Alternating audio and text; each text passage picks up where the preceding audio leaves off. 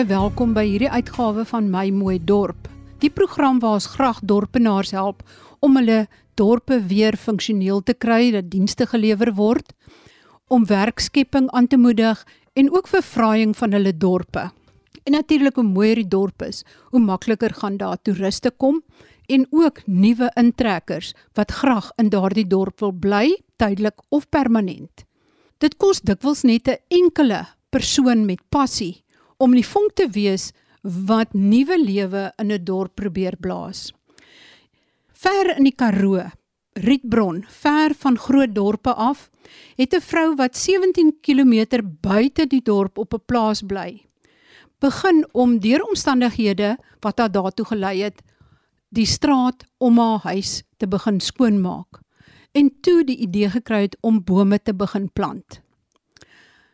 Hier is die storie van Karin van Vieren van Rietbron en hoe sy die taakie aangepak het om te begin om haar dorp weer mooi te maak. Ja, Rietbron is, 'n baie klein dorpie, half waar die mense is geneig om te sê in die middel van nêrens. Ja, en dit was mos nou maar soos oral in die Karoo die laaste 5 jaar baie droog by ons en toe genadiglik het ons ook mos nou in Oktober maand die wonderlike uitkoms gehad en van daar af lyk ons plek baie beter. Maar dit is 'n baie klein dorpie, hy het die nodigste goed, hy het 'n polisiestasie, hy het 'n munisipaliteit en hy het 'n plaaslike winkel. Daar's 'n klein privaat skooltjie. Daar's net een winkel, dit is ons Rieplan kontantwinkel en dis nou nog daai winkels wat jy oor die toonbank vra wat jy nodig het, maar die gewone goed wat jy elke dag nodig het, kan jy dan daar kry. Ons melk en en koeldrank en daai tipe van goed kan ons daar koop. So ons kan heeltemal onafhanklik op Rietbron kan ons funksioneer. Watter dorpe is naby aan julle? Willemore is 70 km weg en Beaufort Wes is 80 km van ons af. En dan die groot dorpe waartoe ons nou hoofsaaklik gaan is Oudtshoorn wat so omtrent 200 km van van Rietbron af is. Wat het gemaak dat jy nou begin het om planne te maak om Rietbron te verbeter en op watter manier het jy nou gedink om dit beter te maak? Ek is nou 22 jaar op op Rietbron en ek was 'n boervrou hierso en ek het in die verlede skool gehou. So ek was betrokke in die gemeenskap, maar nie regtig op die voorgrond nie en ons het twee geboue, twee huise in die dorp wat in ons eiendom is. Die eenetjie het leeg gestaan en die een het ons verhuur. En so 5 jaar gelede het ek die een omskep in 'n gastehuis en verlede jaar het ek die ander ene ook omskep in 'n gastehuis en dit was hoofsaaklik met hierdie tweede poging om 'n gastehuis reg te maak wat ek bewus geraak het van hoe dit weier om die dorpie lyk. Jy weet, dit is so klein dorpie en jy's so gewoond aan hom dat jy sien later nie eintlik raak hoe lyk dit om jou nie. So ons ons inwoners of ons gemeenskapsmense is baie lief vir Rietron. Maar ek dink jy ons sien altyd raak regtig hoe lyk hy van binne nie. En toe dit my net begin opval dat daar oral hoop tuinrommel in die straat lê wat jare terug daar gehard is en nie weggery is nie die heininge van munisipale areas wat plat lê. Is klomp van die klein boere se bokke wat hierdie dorp loop en wy die laaste bietjie groenigheid opvreet. Ehm um, so daar was 'n klomp klein goedjies wat gemaak het die dorpie eintlik vreeslik onnet en verwaarloos lyk. Ek het begin wonder by myself, wat kan mens doen op 'n eenvoudige manier net om die plekkie netjies te maak en dalk net tot sy reg te laat kom. Ons het baie oulike mense in die gemeenskap en in die dorp. Dit is regtig 'n vreedsame dorpie uh, mense is baie verdraagsaam teenoor mekaar en veral met die droogte het ons gesien dat ons gemeenskapsmense het 'n verskriklike dankbaarheid. Dit my gevoel ek dit sal wonderlik wees as dit wat in Rietbron gebeur in die manier wat mense saamleef as mense dit visueel kan uitbeeld. So die idee is nou nie eintlik vreeslik glamorous dorp te maak nie, maar net om 'n netjies te maak en as mense deur Rietbron ry te sien maar dis lewe in die dorp en dis rustigheid en dis versorging.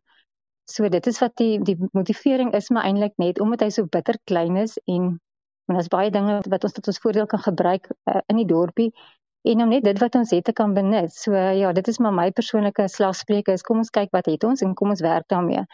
Verlede jaar begin daarmee, verlede jaar net na die winter en ons het begin September maand in omgewingsweek met 'n skoonmaak in die dorp.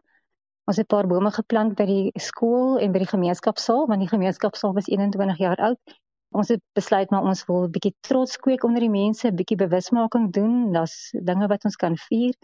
So ons het die bome eintlik 'n skenking gekry van omgewingsake en toe bome daar geplant.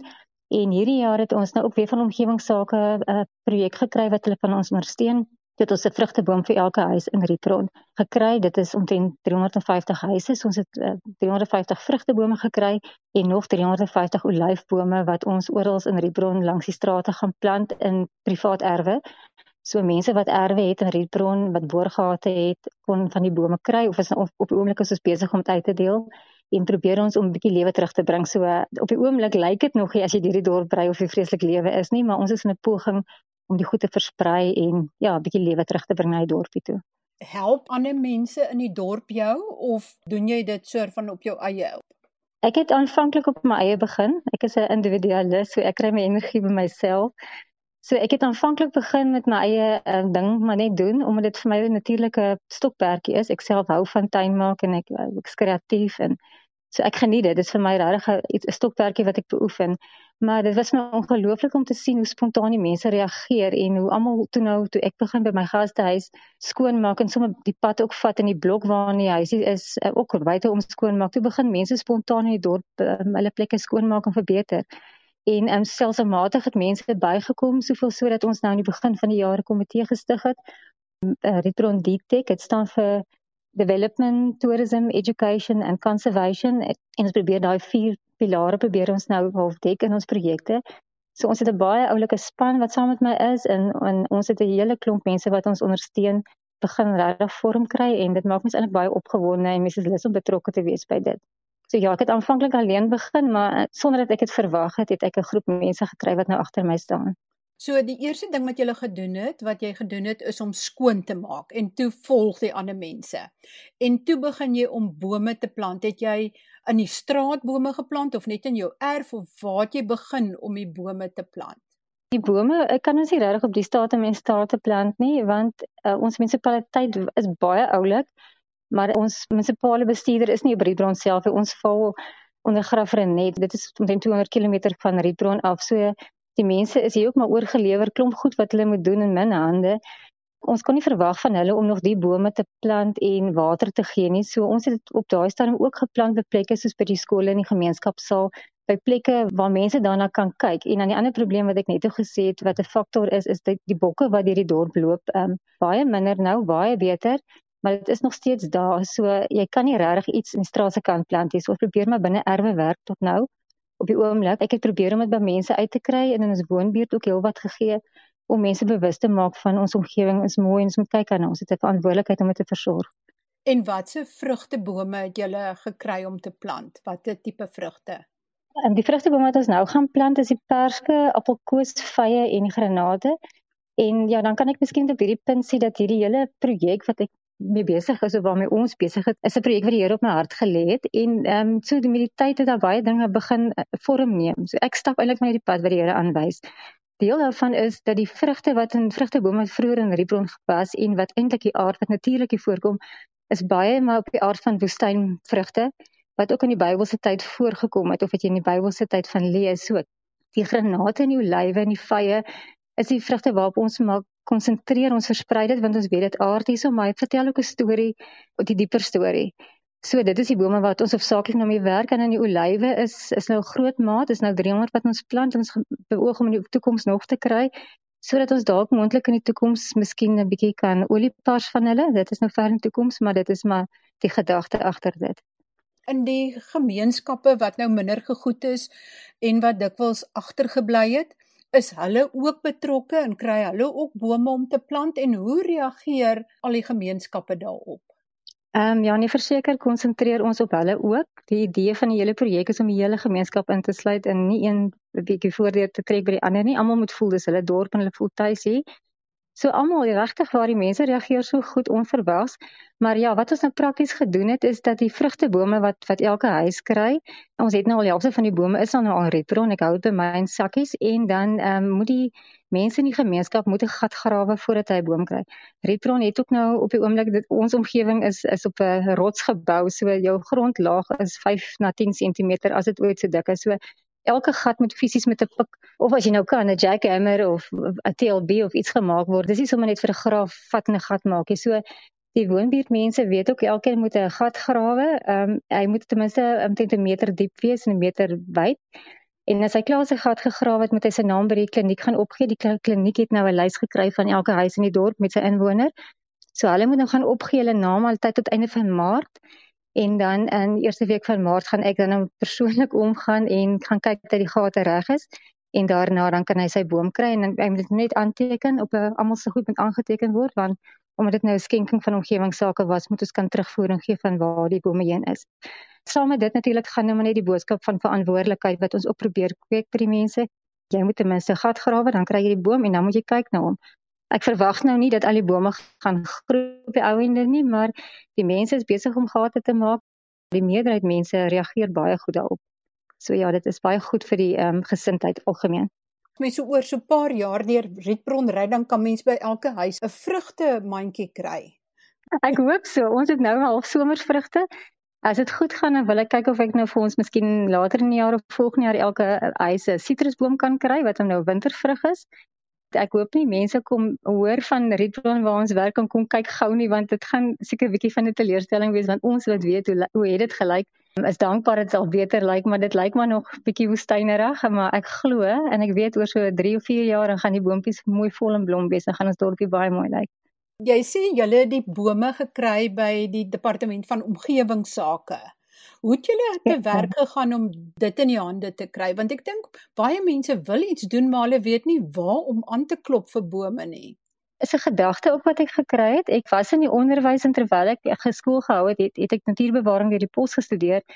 En om einde om my diploma te kry, moes ek 'n jaar gaan prakties doen wat ek nou op daai stadium by Adde Olifantpark gedoen het en daar het ons 'n kontak gemaak met projekte wat ons moes bome versprei en mense bewus maak van die watergebruik en so en Ja, 22 jaar later het ek besluit maar okay, ek gaan terug op daai lyne en daai koneksies wat ek daai tyd gehad het. En ek het net 'n kans gevat en vir die omgewingsake 'n brief geskryf en gesê wat ons beoog om te doen en regtig hulle het baie vinnig gereageer. Dit was verlede jaar met hulle vir ons 50 bome gegee en hierdie jaar het ek vir hulle nog 'n keer weer 'n e-pos stuur. Dit was binne 'n week. dit was eintlik verbaasend vandat ek my versoek ingesit het tot die kwekery betaal is. Hulle het direk in die kwekery betaal was 'n week gewees en um, dit was regtig ek het net besef ek weet nie weet mense hulle kan dit vra nie maar ek het ook te wete gekom dat dat die departement het baie bome beskikbaar omdat um, Suid-Afrika so groot rol in aardverwarming speel en hulle van die buitelandse kant af wil hulle ons aanmoedig om aan aardverwarming te beperk. So daar's verskriklik baie befondsing van die buiteland af beskikbaar vir bome verspreiding. So ek dink mense moet net vra. Dink dit mense weet nie hulle kan vra nie deur hierdie gesprek hoop ek dat ander mense nou ingelig is en ook iets doen en tot aksie oorgaan om te kyk waar hulle bome kan bekom want dit is nie net 'n droom nie dit kan waarheid word. En nie verseker, ek meen as jy op Rietron kan iets staan maak, ehm um, dit was eintlik ook maar seker net 'n droom. Dis hoekom ek so lank getop het voor ek tot aksie oorgegaan het. Maar nee, dit kan verseker waar word. Ek meen die fondse is daar, die bome is daar dit kos net iemand om inisiatief te neem om dinge aan die gang te sit en ehm um, ja, en dan dan van daar af vertrou jy vir reën en vir die groei van die natuur.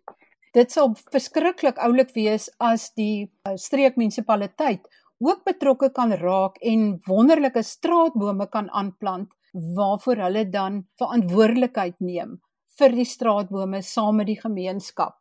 Ek het net nou weer gesien mense moet maar net ook konsentreer op bome wat in jou omgewing aard.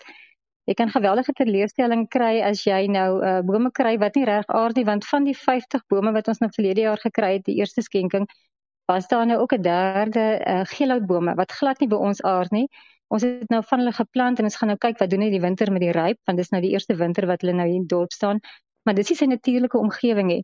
So ja, natuurlike bome wat met jou elemente, in ons geval is dit nou net uh, ryp en vreeslike winde in, in September maand, Augustus, September baie koue, baie hitte. Ehm um, mens moet konsentreer op baie bome wat floreer in in moeilike omstandighede want dit is ook 'n inspirasie storie in enige hoe moeilike omstandighede ook is. Sal daar 'n plant wees wat floreer, sal daar 'n boom wees wat floreer. Um, jy moet hom net gaan soek, gaan soek daai ding wat floreer in daai moeilike omstandighede en dan werk met dit. Ja, dit is juis hoekom ek die praatjie met Dr. Erns van Jaarsveld die plantkundige het sodat hy kan sê presies watter bome in watter streek aard. En soos jy sê dit help nie noodwendig om bome buite hulle bioom te plant nie. Jy moet plant wat inheems is aan daardie streek. So ek verstaan nie heeltemal hoekom jy geelhoutbome ontvang het nie.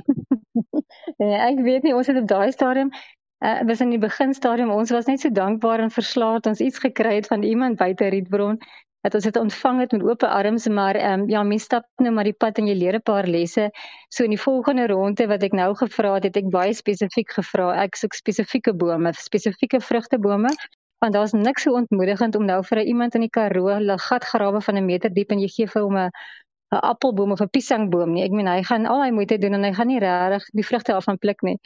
Letterlik en figuurlik. So om selfs vir dit vir positiewe motivering, kry die ding wat floreer en werk met hom en ervaar daai mooi van die natuur en daai ervaring wat jy het in jou omgewing. Baie dankie aan Karin van Vuren van Rietbron vir hierdie inisiatief wat sy aan die dag lê om haar dorp weer mooi te maak. En soos sy gesê het, as Rietbron dit kan doen, 'n droë dorpie in die middel van die Karoo, ver van groot dorpe af. As hulle dit kan doen, hoekom kan jou dorp dit nie ook doen nie? En om in te pas by hierdie gesprek, gesels ek nou met Dr. Erns van Jaarsveld, plantkundige by Babylon Storen oor die plante groei van die Karoo. En net voordat ons wegtrek, vertel ek net vinnig wat die bome is wat in die Karoo gaan aard. En dit is doringbome soos die soedoring, die basterolien, die hoesbos, wilde als en die wit karee. En dan is daar nog die Karoo boerboon, fluweelrosyntjie, Karoo rosyntjie, berggranaat, Karoo noem noem, deurmekaarbos, die heuningblom, die jakkalsbos, die wit stinkhout, karee, taaibos, guarri, bergkiepersol en nog vele ander. Ek noem net hierdie en ek loop daarmee dokter van Jaarsveld se gesprek oor die Karoo plante groei effe vooruit. Maar nou oor na dokter Erns van Jaarsveld en dit is sy inleidingsgesprek oor die Karoo plante groei. En nou skuif ons na die Karoo toe wat 'n baie groot streek is, maar met min mense. Vertel ons meer van die dele in die Karoo wat hierdie Karoo bioom insluit. Ja, Marie, en jy's reg, is die grootste uh, bioom eintlik in Suid-Afrika. Dit is 'n enorme streek. Dit is ook een van die droogste. Tevens dit is die droogste streek. En, en dis miskien hoekom daar so min mense is, maar tog is daar baie baie plantsoorte wat daarbey aangepas is en baie droogtebestande in ander plante. En die deel staan ook bekend as die Namakaroo daar's die twee tipes karoo. Jy het natuurlik die vetplant karoo, ons sal dit op 'n later stadium behandel. Die vetplant karoo is die karoo dele wat aangepas is by winterreën, maar hierdie spesifiek is die groter deel wat somerreënval aangepas is. En dit begin reeds hier eh, noord van Prins Albert, Beaufort Wes, Maritzburg, Graafrenet, Karnavon, Victoria Oos, Appington, Bosmansburg, Prieska Victoria Wes Koelsberg. So 'n enorme deel wat dit insluit, alhoewel Noord, Lukhof, Koffiefontein hier so onder in die in die in die Vrystaat. Betuli, uh, Richmond, Hanover. So dis 'n enorme uh, gebied en hy is eintlik baie ongunstig uh in die sin dat ander plante van ons land nie daar wil aard nie, is omdat hy word baie koud in die winter, baie soos die Hoëveld en natuurlik ook tesame met daai baie droë uh, weeromstandighede dis eintlik 2/3 van ons land wat deur hierdie deel ingesluk word. Maar daar is sulke wonderlike plante wat ons kan gebruik. Maar as mens deur die Karoo ry, ja. dan voel dit amper asof dit baie naby aan woestyngebied is. Vertel ons meer van die klimaat en ryp en reënval ensovoorts. Dit is reg, dit is absoluut jy is reg, dit is 'n semi-woestyn en dit het baie keer net kolkol gereën. Sommige jare het goed gereën, dan trek jy wild. En ons ken almal die springbok wat een van ons nasionale diere is. En dit was natuurlik baie volop in die Karoo en hulle was trekdiere en het altyd agter groenigheid aangetrek. Die reënval is gewoonlik baie laag en dit het voorgekom in die vorm van donderstorms gewoonlik in die somer en herfs natuurlik.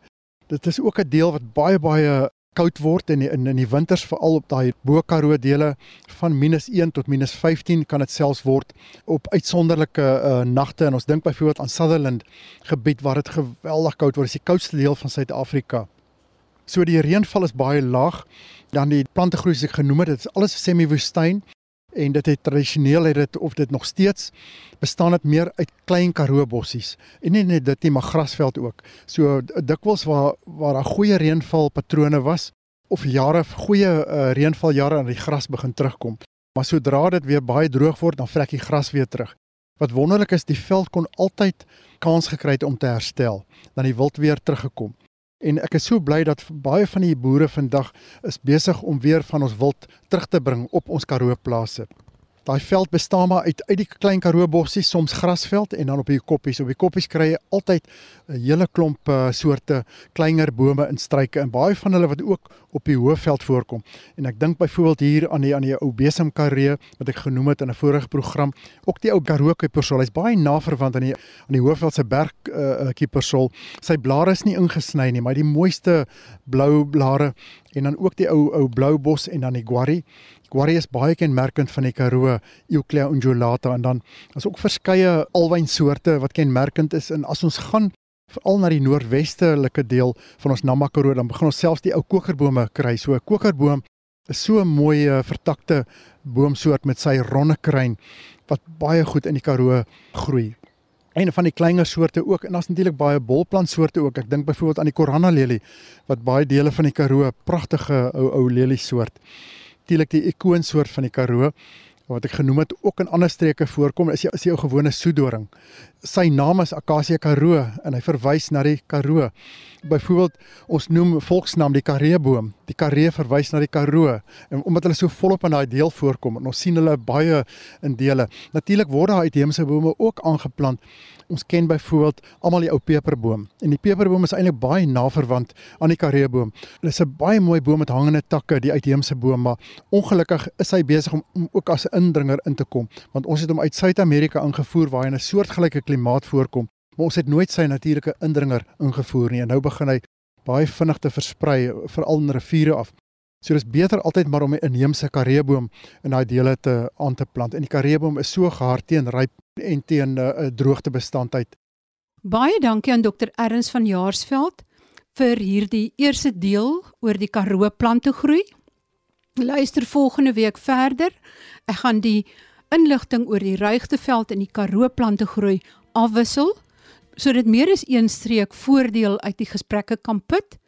En ook baie dankie en baie sterkte aan Karin van Vuren en al die mense van Rietbron en van alle ander dele van die land wat begin het om van hulle streke, hulle dorpe weer mooi dorpe te maak.